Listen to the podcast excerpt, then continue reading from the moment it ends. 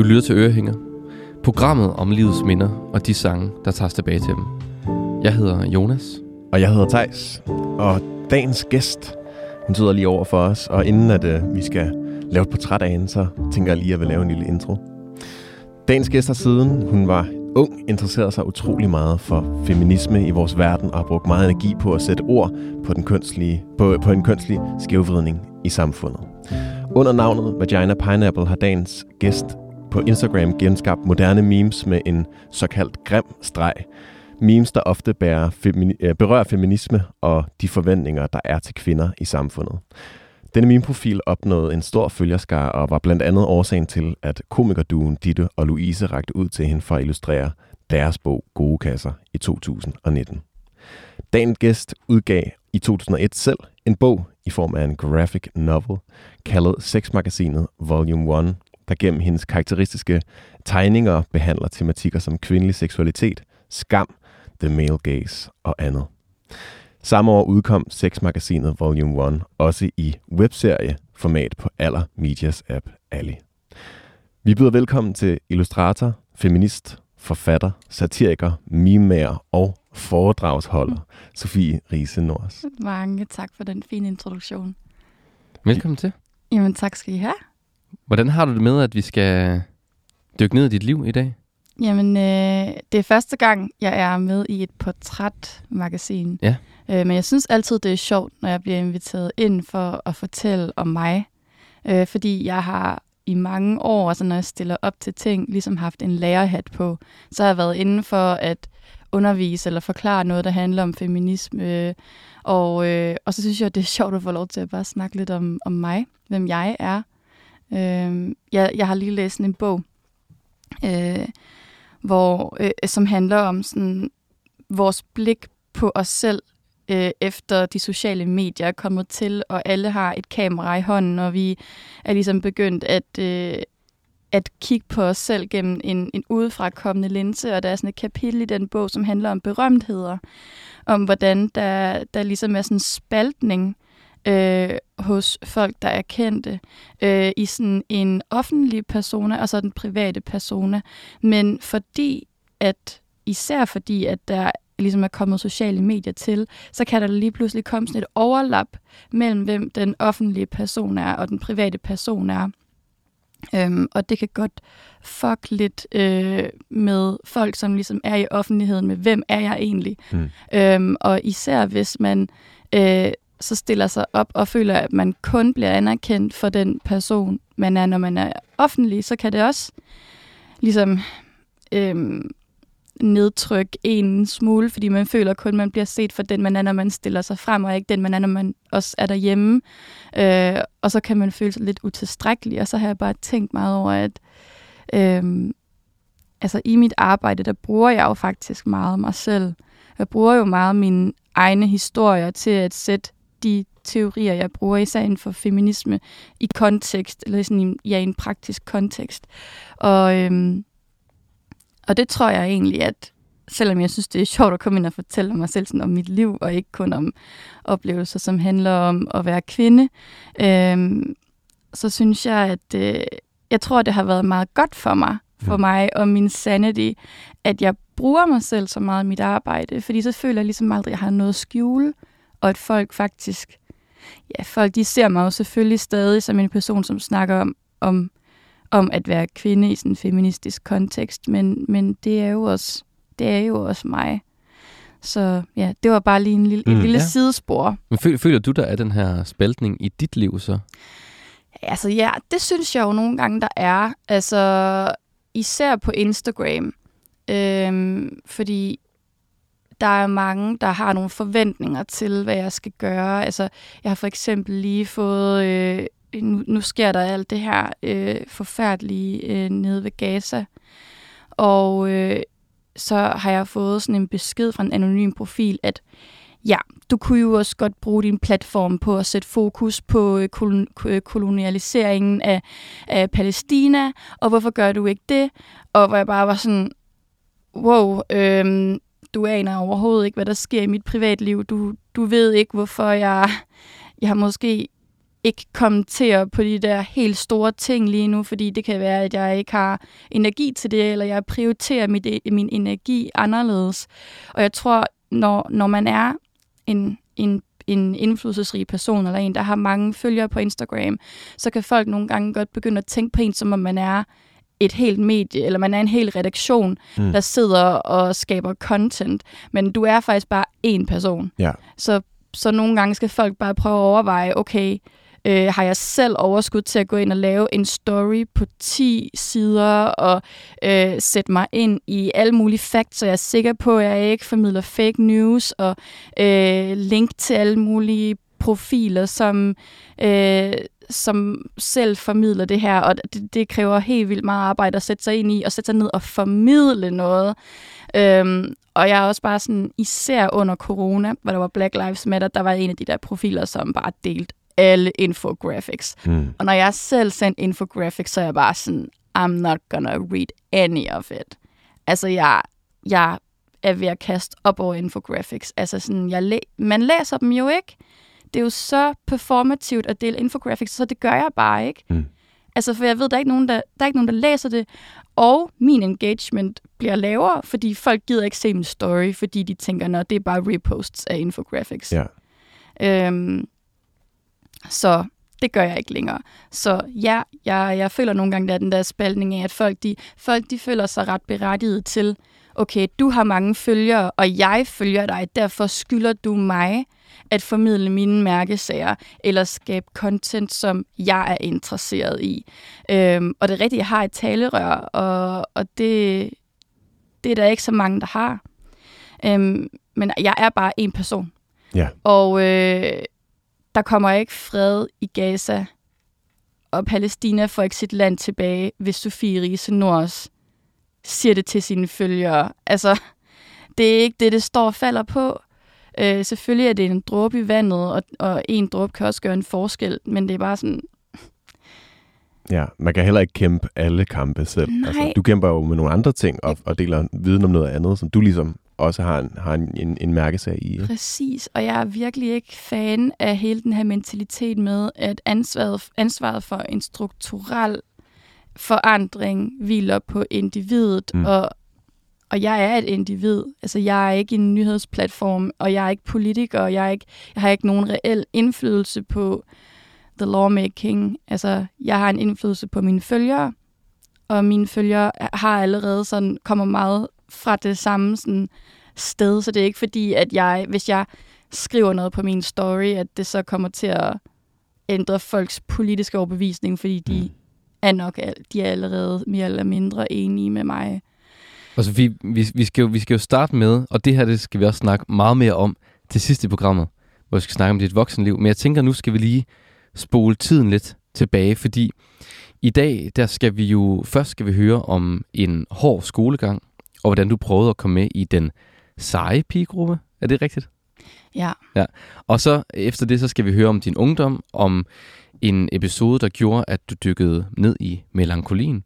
Og til sidst skal vi høre om dit voksenliv, og hvordan det både er fyldt med vild kærlighed og kronisk sygdom.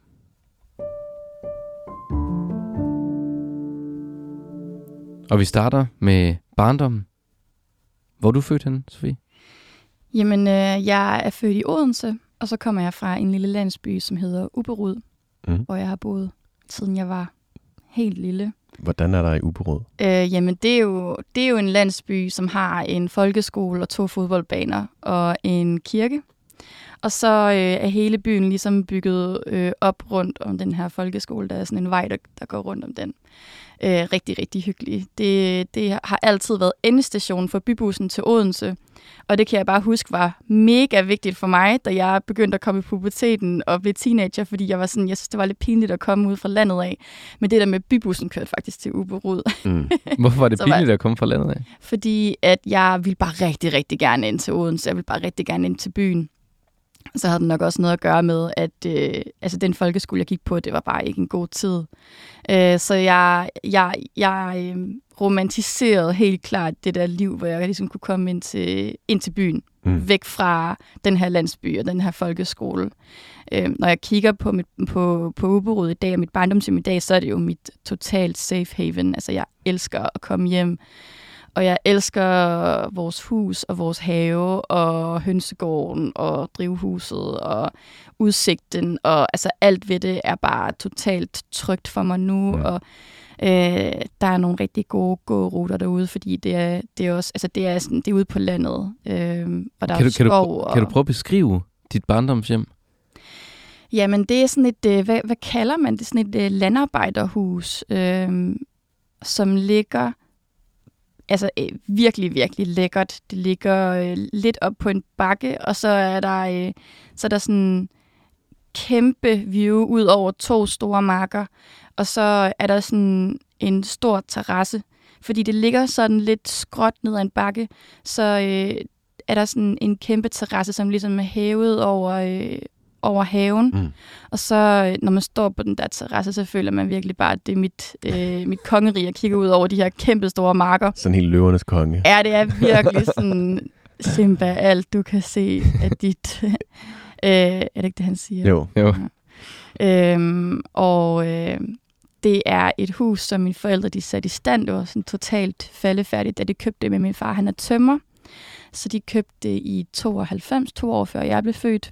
Og, øh, og så øh, renoverede de simpelthen hele huset. Og, og det betyder også bare, at det er virkelig vores hus. Ja. Og det er min mor og far, der har bygget det. Og det er min far, der har... Fordi ja, det er jo, det er jo ham, der tømmer. Det er jo ham, der har lagt gulvene og lavet taget. Og, og tilbygningen også, som kom til, da jeg var 8-9 år gammel.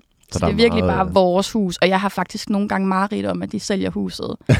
fordi jeg, jeg er bare sådan, øh, det er mit barndomshjem, og, altså, og nogle gange går jeg også og fantasier om, når jeg bliver voksen, siger jeg til citationstegn, så køber jeg deres hus, så de ikke bliver nødt til at sælge det, fordi jeg vil bare ikke af med det her hus. Det betyder bare så meget for mig. Hvordan var det at vokse op i det her hus? Jamen, det var, det var så godt. Altså, det var, det var, ja, det var rigtig skønt. Altså, jeg har virkelig haft sådan en god, tryg øh, barndom. Og, øh, og hele min familie har altid haft sådan en... Jeg har øh, mor, far og min lillebror. Har altid haft sådan en kultur med, at vi bare alle sammen var i stuen hele tiden. Hvad lavede I i stuen øh, så?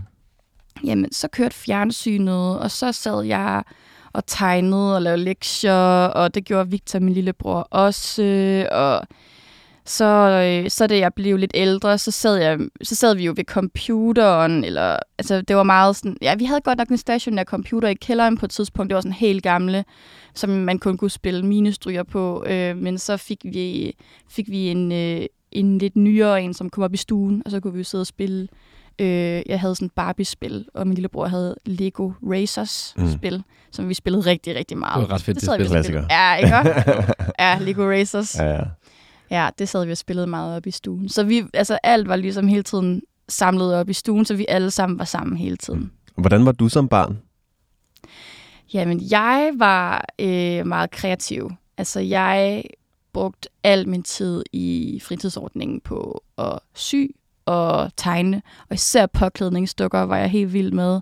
Øh, jeg, altså, jeg, jeg farvelagde bare påklædningsdukker i, altså, det var en lang æra, jeg havde i, for, i, i fritidsordningen. Og når der ikke var flere, så bad jeg øh, pædagogerne om at finde nogle nye og printe dem ud, for jeg var bare sådan, jeg skal Kan du huske, øh, hvad, dem alle sammen. hvad var det ved påklædningsdukker og det her med at, at farvelægge dem og generelt sy og tegne, der, der fangede dig dengang?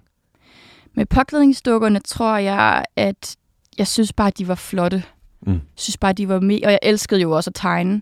Det var virkelig min ting. Altså tegning har virkelig altid været min ting, og nu er jeg jo så også tegner i dag. Øh, men jeg synes bare, de var så pæne, og det der med, at man kunne klippe dem ud, og så kunne man øh, så kunne man klæde dem på, og det er også sådan, min leg med, med, med legetøj har aldrig været, altså med, med, med dukker og sådan, det har egentlig aldrig været den der storyline. Det har altid været, at de skulle have tøj på. Mm. Det var det, jeg synes, det var sjovt. Øhm, det var helt klart det, det er sådan, ja, det med at klæde sig ud, og, klæde, og jeg har også klædt mig meget ud, da jeg var barn. Mig og Victor, vi har virkelig havde sådan en stor klæde ud kasse med alt muligt øh, Hvad, hvad var du klædt ud som? Jamen, der var et øh, år til faste lavn, hvor jeg ville være vagabond. Ja. Så jeg var vagabond. Hvordan blev det taget imod? Ej, det var, det var, det var faktisk... Jeg, jeg, jeg synes jo selv, det var rigtig cute. Øh, og jeg, jeg havde sådan... Øh, sådan en sort lædervest på, en sixpence, og så havde jeg sådan tegnet skæg. Men øh, jeg var også sådan... Jeg, jeg var et fucking socialistisk barn. Altså i musik... Hvordan, hvordan det? Jamen altså i musikklassen, når vi havde musikteam, så øh, lærte vi Jens Weimann. Ja. Og jeg elskede bare den sang. Det var bare min yndlingssang, da jeg var barn. jeg elskede bare Jens Weimann. Jeg ved ikke, om I kender den. Jo, jo, jo. Den er jo den er også virkelig melankolsk. Mm. Jeg synes bare, den var så smuk. Ja, ja, det er den her gamle, fattige arbejder, som bare sidder og slider for at tjene til dagen og vejen. Hvad var det, der, der var særligt ved den? Hvorfor connectede den med dig? Ej, men jeg tror, der var flere ting. Jeg tror også, at jeg var også spejder, da jeg var barn. Mm. Og jeg kan huske, at vi var på en spejderlejr, hvor vi sang en sang, der hedder Sådan er kapitalismen.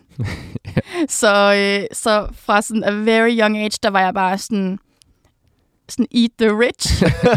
øhm, og uden sådan helt at forstå, hvad det var, men jeg havde, tror bare virkelig fra en meget ung alder, havde det virkelig bare sådan, de onde og de gode, eller sådan, Ja, ja. Øhm, sådan der er de her, der er de her arbejdere, der slider, og så er det de her griske kapitalister, som profiterer på de fattiges arbejde. Det var sådan, det var, det var noget, jeg rimelig hurtigt pikkede op på. Var det noget, der blev snakket meget om i, i dit barndomshjem også? Øhm, altså, jeg kan ikke huske, at der som sådan blev snakket politik, politik. Altså, jeg, jeg, vi så meget TV-avisen derhjemme. Altså, helt fra da jeg var barn. TV-avisen, det var, øh, og det var altid DR. Øh, det, det kørte bare. Så det var, det var I, was, I was on the news fra en, fra en meget ung alder. Og øh, jeg kan huske, at begge mine forældre, de sagde til min lillebror og jeg, at, at vi var meget privilegerede, og at der var altså andre i verden, som ikke havde lige så meget som os. Så jeg tror bare, jeg havde det her billede af, at der var forskel på folk, Mm.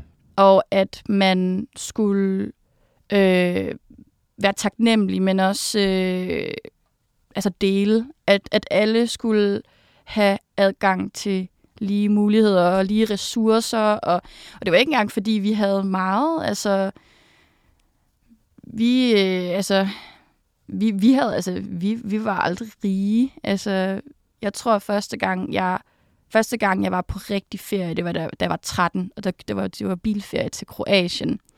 Og øh, første gang, jeg kom op og flyve, det var, da vi skulle på studietur i gymnasiet. Mm. Så øh, det var ikke sådan, at vi boldrede os i penge og, og sådan noget. Det var altid sådan en campingtur, og, hvilket jeg var så cool med. Altså, det var så, bare jeg var sammen med min familie, så var det hyggeligt.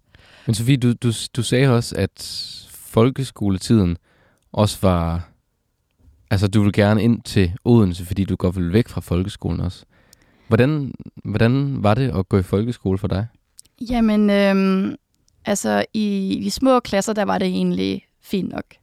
Øh, men da vi kom op på, på mellemtrinnet, der, der begyndte jeg at, at struggle lidt, fordi jeg, øh, jeg, var, jeg var med i sådan en gruppe af sådan lidt manga-freaks, øh, også der sådan så Dragon Ball og bare tegnede og var lidt mærkelige.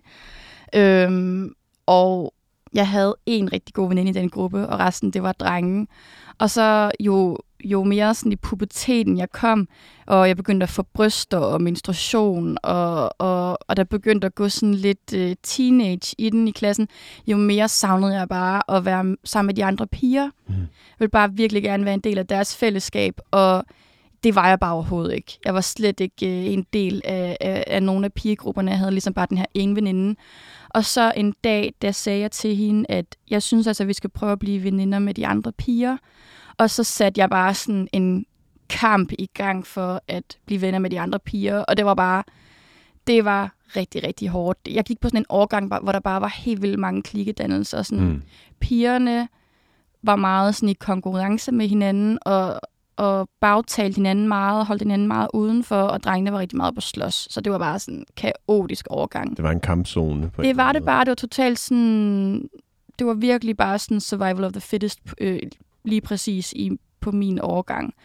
Følte, du også, følte du også, at du blev holdt udenfor, så altså sådan, ikke inviteret med til ting? Var det sådan på den måde også klikkedannelse? Ja, altså, jeg kan huske, der var mange frikvarterer, hvor, hvor der ligesom var sådan en rundkreds af piger, og så stod jeg sådan lidt på ydersiden af den der rundkreds, og, og prøvede at komme med ind. Mm. Øhm, og øh, nu kommer jeg lige i tanke om et andet minde. Det er så godt nok fra, øh, fra indskolingen 3. klasse, hvor der var sådan en MGP øh, i fritidsordningen, og, øh, og jeg stillede op med, igen bare for at sige sådan, virkelig, virkelig cute, men jeg var bare ikke særlig cool. Øh, jeg stillede op med, jeg vil male dagen blå. og det var sådan uden backtrack eller noget. Det var bare mig, der sådan stod med, med min veninde, som jeg havde overbevist om, at vi skulle synge den her sang. Bare sådan os to, der sang sangen. Og alle andre stillede jo op med sådan Nick og Jay. Øh, og sådan havde koreografi til det og sådan noget. Altså, jeg var bare ikke cool. jeg var bare så... jeg var bare så... Ja, jeg var bare sød, ikke? Men, Men, Men- du, men du, Sofie, du har taget et minde med, hvor du så virkelig prøver at være cool, i hvert fald. Måske også for at tage lidt revanche for, jeg vil male det Ja, blå ja. MGP-versionen. Ja, ja, altså det var så i 5. klasse, og det var i den her periode, hvor jeg virkelig prøvede at blive veninder med, med pigerne. Og det lykkedes mig at komme ind på nogen, og de var faktisk rigtig, rigtig søde. Nogle piger øh, i min egen klasse. Og de gik til dans. Og, øh, og så kom vi tilbage fra sommerferien, hvor vi lige startede i 5. klasse. Og jeg havde, øh, jeg havde fået lov til at lære den her koreografi, øh, de havde lært til My Humps, altså Black Eyed Peas My Humps. Og øh, så ville de optræde med denne her koreografi for mellemtrinet til en morgensamling. Og der fik jeg lov til at danse med, og det var bare et helt vildt stort, det var virkelig sådan en milepæl øh, for mig rent socialt at få lov til at danse med de her piger.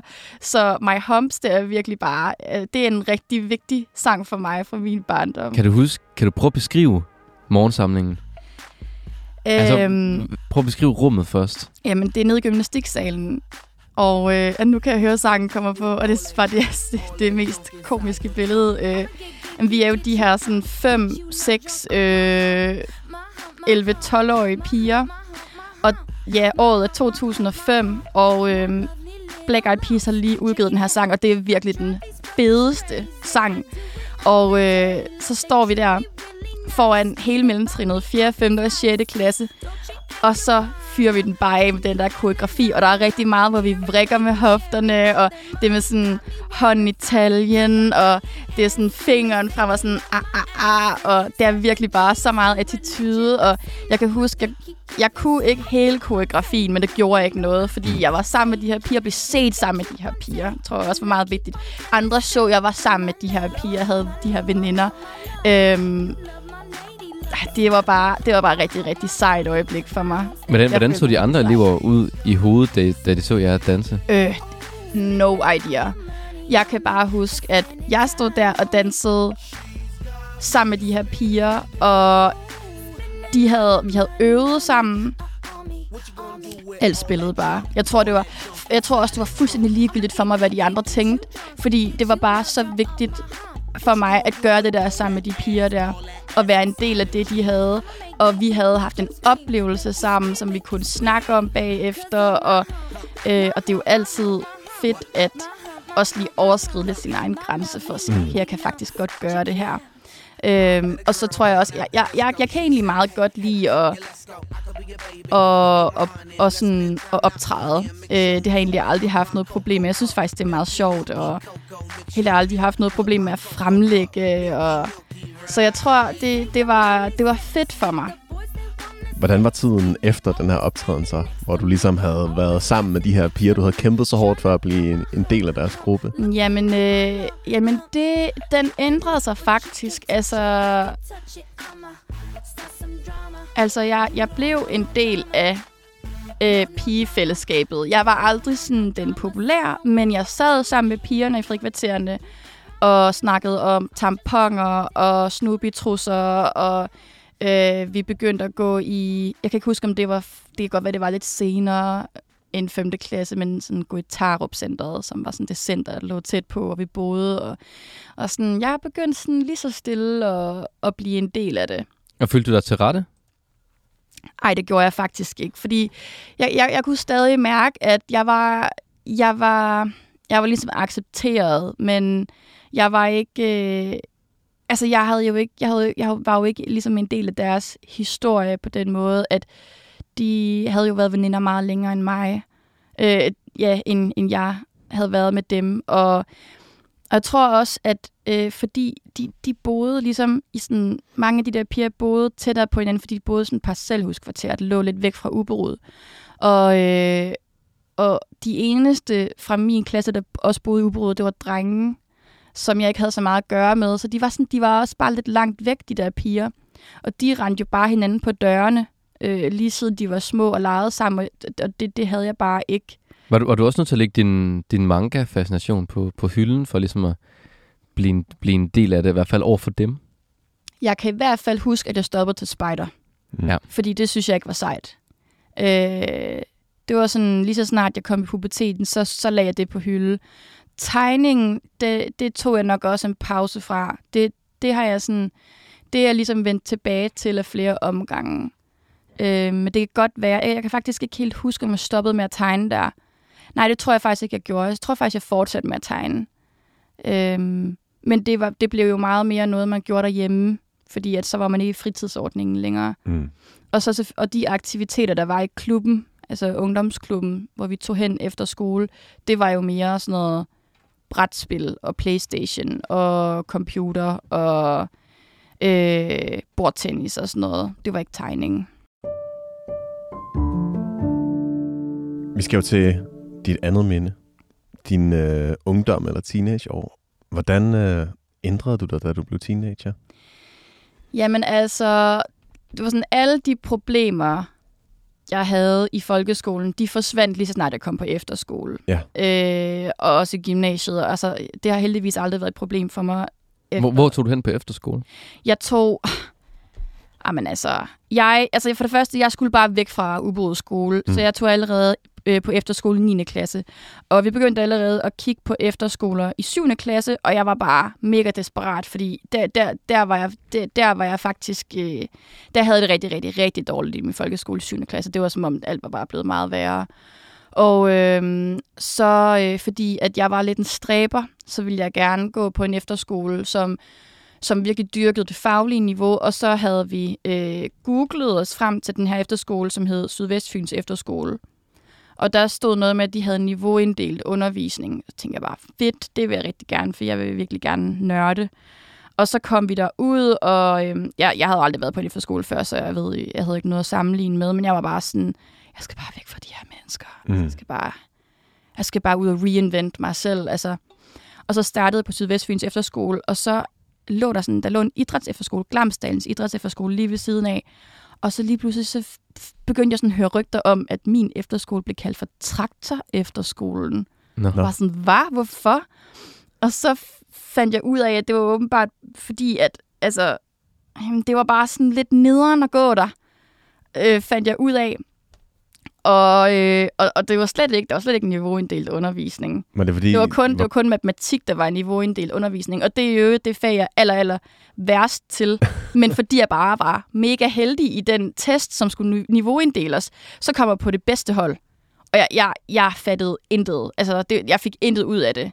Nå, men øh, det, der også øh, skete, der gik på efterskole, det var, at min mor hun faktisk fik brystkræft, mm. imens jeg var der. Øh, og det hvor, var hvor bare, langt inde i efterskoleåret var det?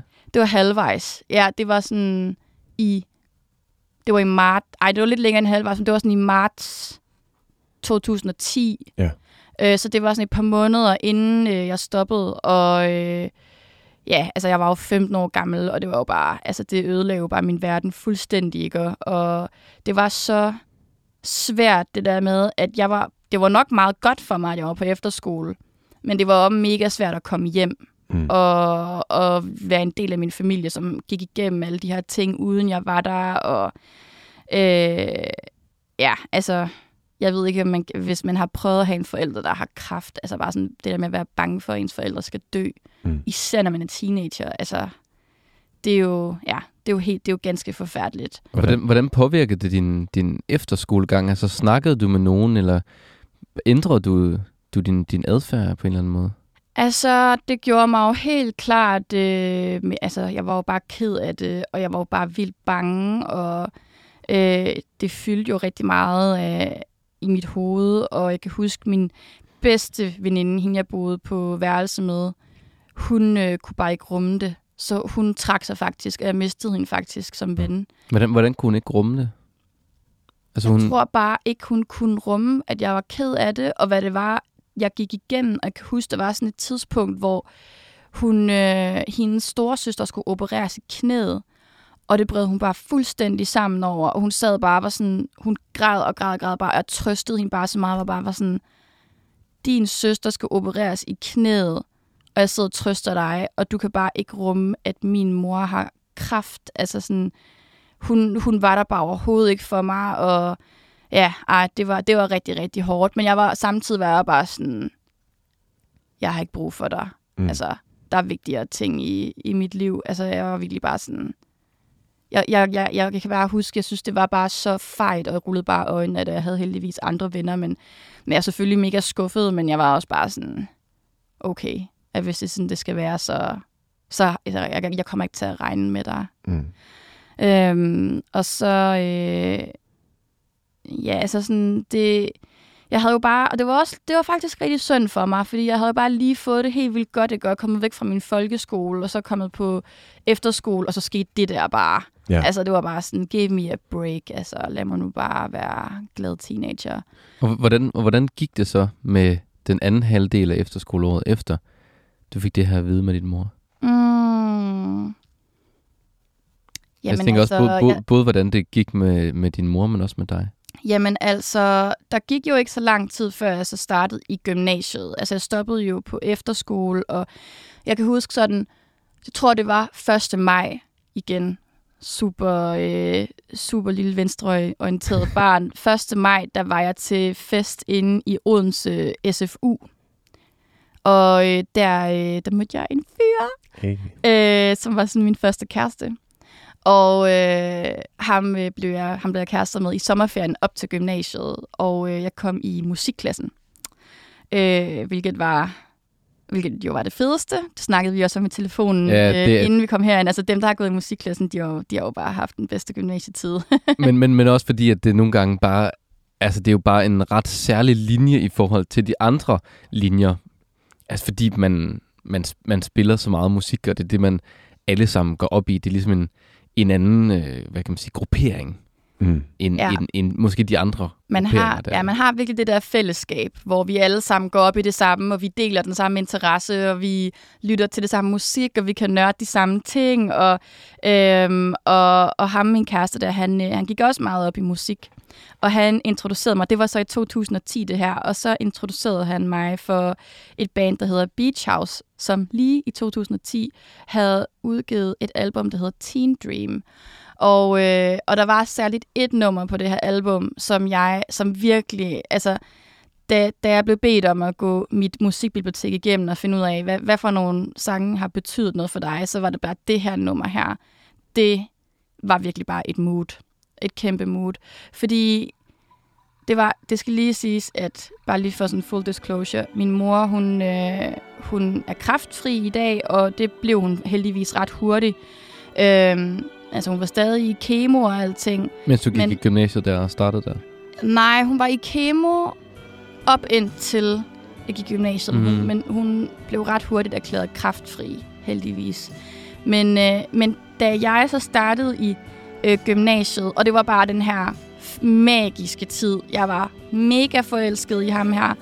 Øh, og jeg hør, og så gik i musikklassen og fået alle de her fantastiske nye venner, samtidig med, at jeg bare var helt vildt ked af alt det, jeg lige havde gennemgået øh, øh, det sidste halve år. Og så hørte jeg det her musik, og det var bare sådan, det var bare så, det var både sådan sæbebobler, men det var også bare vildt melankolsk. Mm. Og jeg kan bare huske, jeg, sådan, jeg, jeg havde virkelig brug for at dyrke den der melankoli, og dyrke den der, øh, den der følelse af, at livet er rigtig smukt og sjovt, men det er fandme også hårdt. Altså, det er ikke bare én ting, det er begge dele. Øhm, og jeg var både lykkelig og ulykkelig på samme tid, og jeg gik den her fantastiske tid i møde, men jeg lavede også den her forfærdelige tid bag mig, og det var, det var sådan en, øh, det var bare sådan en samsurium med alle mulige følelser samtidig. Mm. Hvor, hvor hørte du det her nummer? Altså, hvor... Jeg tror, han spillede det for mig... Øh, ja, altså nu... Jeg kan forestille mig, at vi har hørt det i sådan sådan headset. Eller, Hvor, hvor man sidder og delte headsetet? Ja, ja, eller han har spillet det for mig nede på sit værelse, på sin computer, og jeg kan bare huske, at han havde det største musikbibliotek, og jeg var bare sådan, oh, du kender bare så meget musik, og, øhm, og han havde også virkelig god musiksmag, og det, det, det han, han, jamen, jeg synes bare, jeg var bare sådan, bare lær mig alt det, jeg vil bare gerne øh, lære alt det musik at kende, som du lytter til, og... Øh, og, og jeg viste ham også rigtig meget af mit musik, og jeg kan bare huske, at jeg, jeg, sådan, jeg gik på musikbiblioteket. Der var, det var sådan lige inden Spotify kom det her. Gik på musikbiblioteket, bare for at sådan, gå alle CD'er igennem, som jeg synes så fede ud. Og så hver gang der var et navn, som jeg lidt synes, jeg kendte, så lærte jeg det. Og så gik jeg hjem og lagde det ind på min computer i mit iTunes library. Øh, og så sad jeg bare og lyttede til alt det der musik, og sådan, så smider jeg det ud, jeg ikke kunne lide, og så gemte det, jeg godt kunne lide, ned på min, øh, på min iPod, og... Ah, øh, Jamen, ah, okay, og nu føler jeg mig helt vildt gammel, ikke? Og fordi jeg sidder og siger, går på musikbiblioteket, og går på CD og sådan. Men, øh, men ja, det var bare sådan, det var faktisk en periode, hvor jeg bare virkelig havde lyst til at, at sådan udvide mig selv. Altså, sådan en følelse af, at sådan, mit hjerte udvider sig, og sådan, min Mm. sjæl udvider sig. Jeg har mødt det her menneske, som jeg bare spejler mig i, og, og, øh, og, og jeg blev bare sådan, jeg, blev, jeg, jeg voksede bare helt vildt meget lige der. Og bare sådan suge så meget af livet ind som muligt. Ja, jeg sugede bare, jeg, jeg var virkelig bare sådan en svamp, der sugede til mig. Øhm, og, og altså, min gymnasietid var virkelig en, altså, en magisk tid. Det var den mest bekymringsfri, øh, vilde, sjove tid, og jeg havde bare så mange venner. Altså, vi var bare en kæmpe vennegruppe, og, og det var også der, jeg mødte min bedste veninde, øh, min, virkelig min BFF, som jeg stadig er bedste venner med øh, den dag i dag, og og det var bare sådan en tid, hvor der var så mange fester, og, og jeg følte bare, at vi var sådan verdens navle. Øh, og ja, det var bare, ja, og jeg bliver bare helt, helt vildt glad, når jeg tænker tilbage på den tid.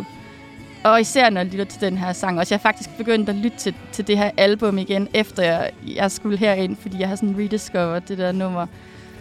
Det er virkelig bare en kæmpe vibe Mm. for mig, det her nummer. Du sagde også, at sådan, der var et eller andet over den her melankoli, Ja. som du lige blev draget af på det her tidspunkt. Men du nævnte også tidligere, at Jens Weimann jo egentlig også Ja. en meget melankol sang. Jamen, jeg tror, jeg er et ret melankolsk menneske. Jeg tror, at jeg er ret inspireret af den, faktisk. Jeg ved ikke, om det er... Øhm, jeg tror, melankolien er noget, der sådan lidt driver mig til at undersøge nogle ting inde i mig selv. Mm. Faktisk en rigtig, rigtig god kobling. Det der, der har aldrig tænkt over. Øhm, nu sidder jeg lige og tænker over det. Ja. Øhm, det er sjovt. Altså, jeg, jeg kan bare godt lide... Jeg ved ikke, om det er fordi, at...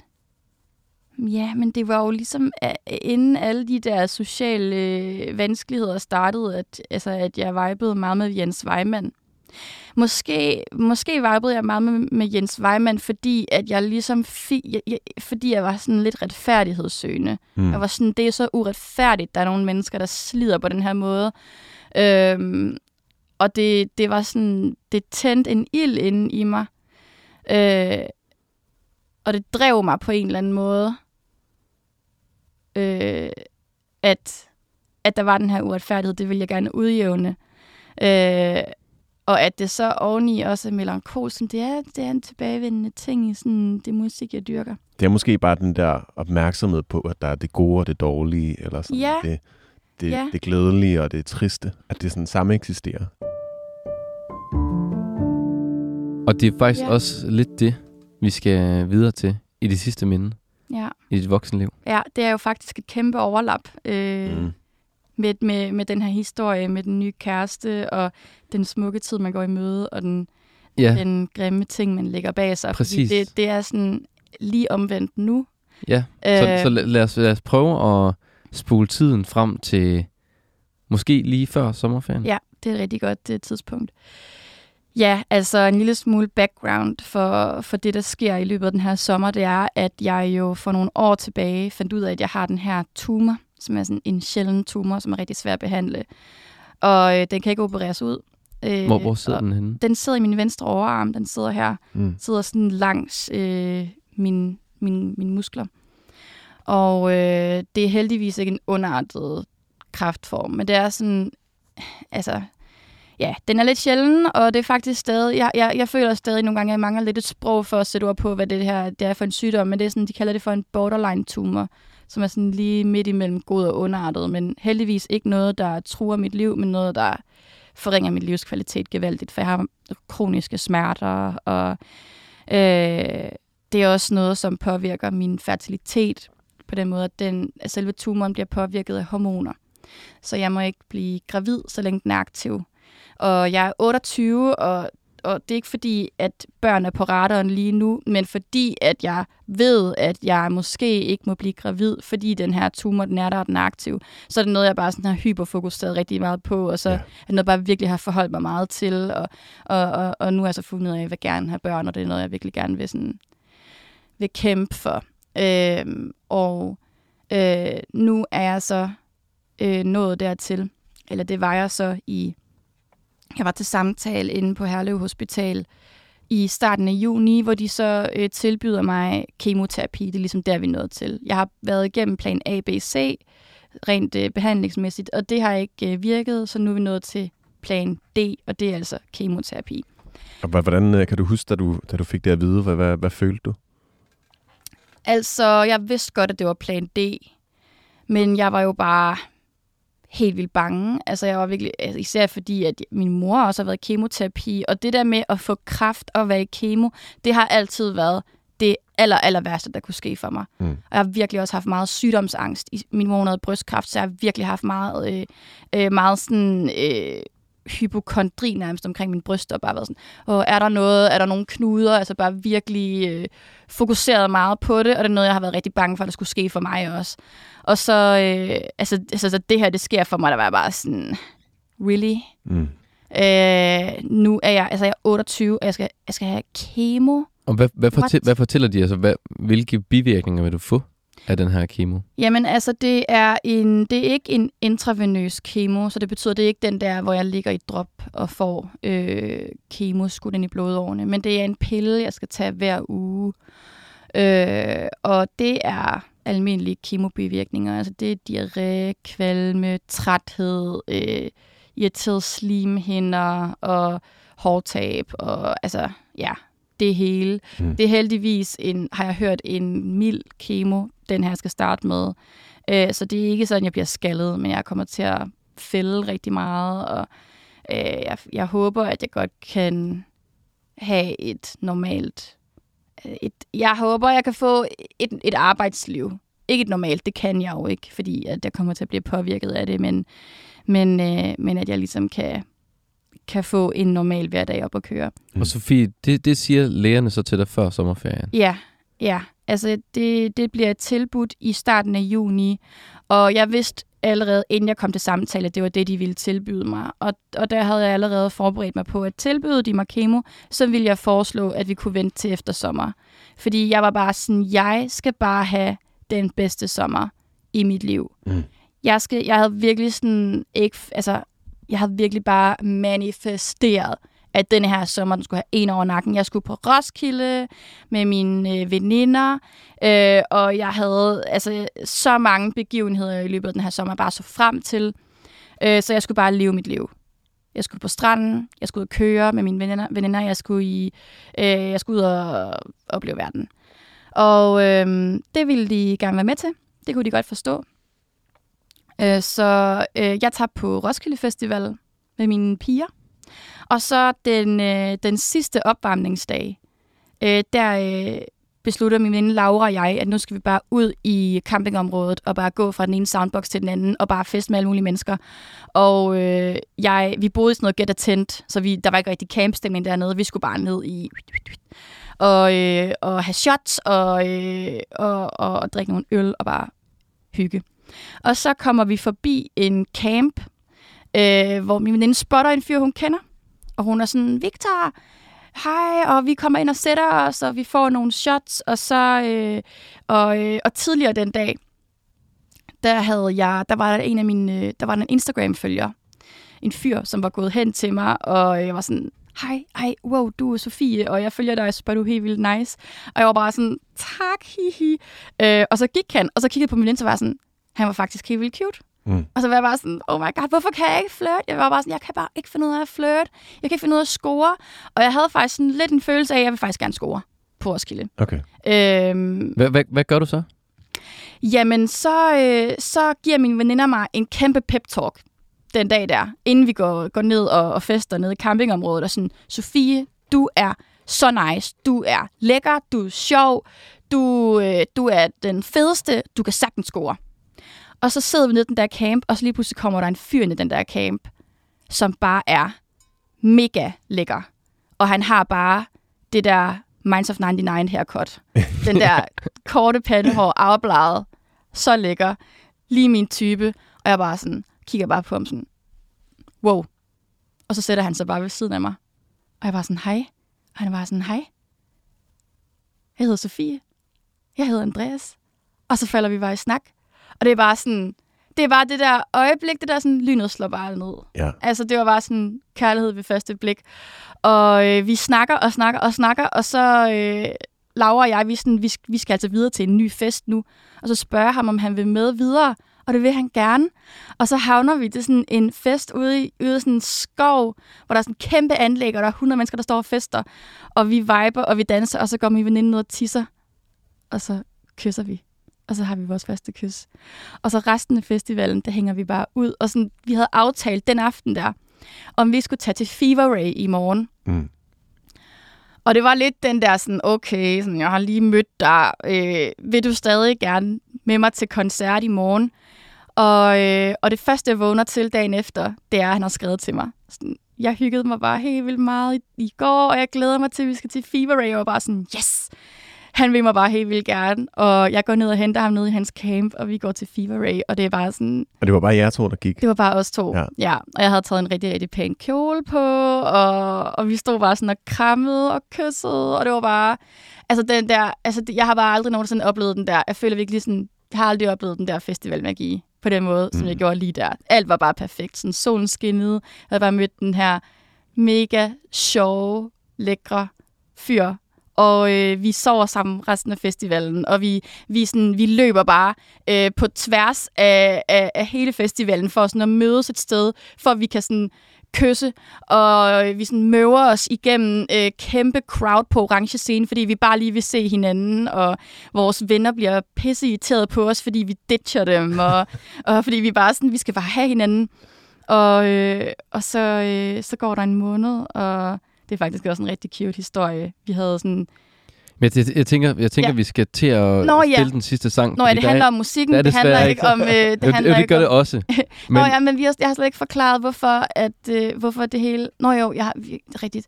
Ej, jeg er bare så kort op i den her historie. Jeg skulle lige til at sige, jeg har slet ikke fortalt, at jeg skulle have kemo. Øh, men det har jeg jo. Det har du. Øh, ja, så den sang, som jeg har valgt repræsentere den her periode af mit liv, det er øh, Lana Del Rey med video games. Og det gør den, fordi at samme, altså, det er lidt det samme som øh, øh, Beach House-sangen der. At... Ej, den her sang. Mm, det er bare, det er bare også et kæmpe mood. Øh, det er fordi, jeg er bare sådan så forelsket, jeg er bare så glad. Altså, jeg har, jeg har virkelig haft den bedste sommer i mit liv. Og jeg er bare så lykkelig, og jeg er sådan, den der kærlighed, jeg, jeg har til min nye kæreste her, han er bare den fylder bare hele min krop. Og så samtidig med, at jeg bare sidder af al den her eufori, så ved jeg også bare, at den 23. oktober, der skal jeg starte på kemo. Det er bare sådan igen kæmpe clash af følelser. Sådan, jeg er så lykkelig og var så ulykkelig på samme tid. Ja. Altså, jeg er så bange for alle de her bivirkninger, jeg, jeg kommer til at få. Jeg er, sådan, jeg er så bange for jeg har jo allerede været sygemeldt en gang på grund af medicin øh, på den her tumor, og jeg kan bare huske sidste sommer, der var der sådan et tidspunkt, hvor jeg lå i min seng og var mega syg. Fordi jeg bare, jeg havde, jeg havde taget det der kraftmedicin, Jeg var bare, jeg havde, jeg havde, jeg havde så tyndt hår. Jeg havde oven i det hele også forstudet min ankel. Altså lå bare i min seng. Og jeg boede lige sådan en kryds, hvor der bare var studenterkørsel. Hele tiden. Og de kørte bare alle sammen forbi og hørte Stor Mand og alle de der sommerhits. Og jeg lå bare inde i min seng og koldsvedt og var mega dårlig. Og jeg var bare sådan, jeg hader mit liv. Altså sådan, jeg ved virkelig bare sådan, jeg hader mit liv, og I er bare derude og er så glade, at jeg er bare herinde, og jeg er så ked af det. Og jeg er jo så bange for, at jeg får den der følelse igen. At jeg bare hader mit liv, og jeg er så ked af, at jeg har den her tumor, og jeg, altså, og jeg skal have være på det her medicin, og sådan, hvornår stopper det? Mm.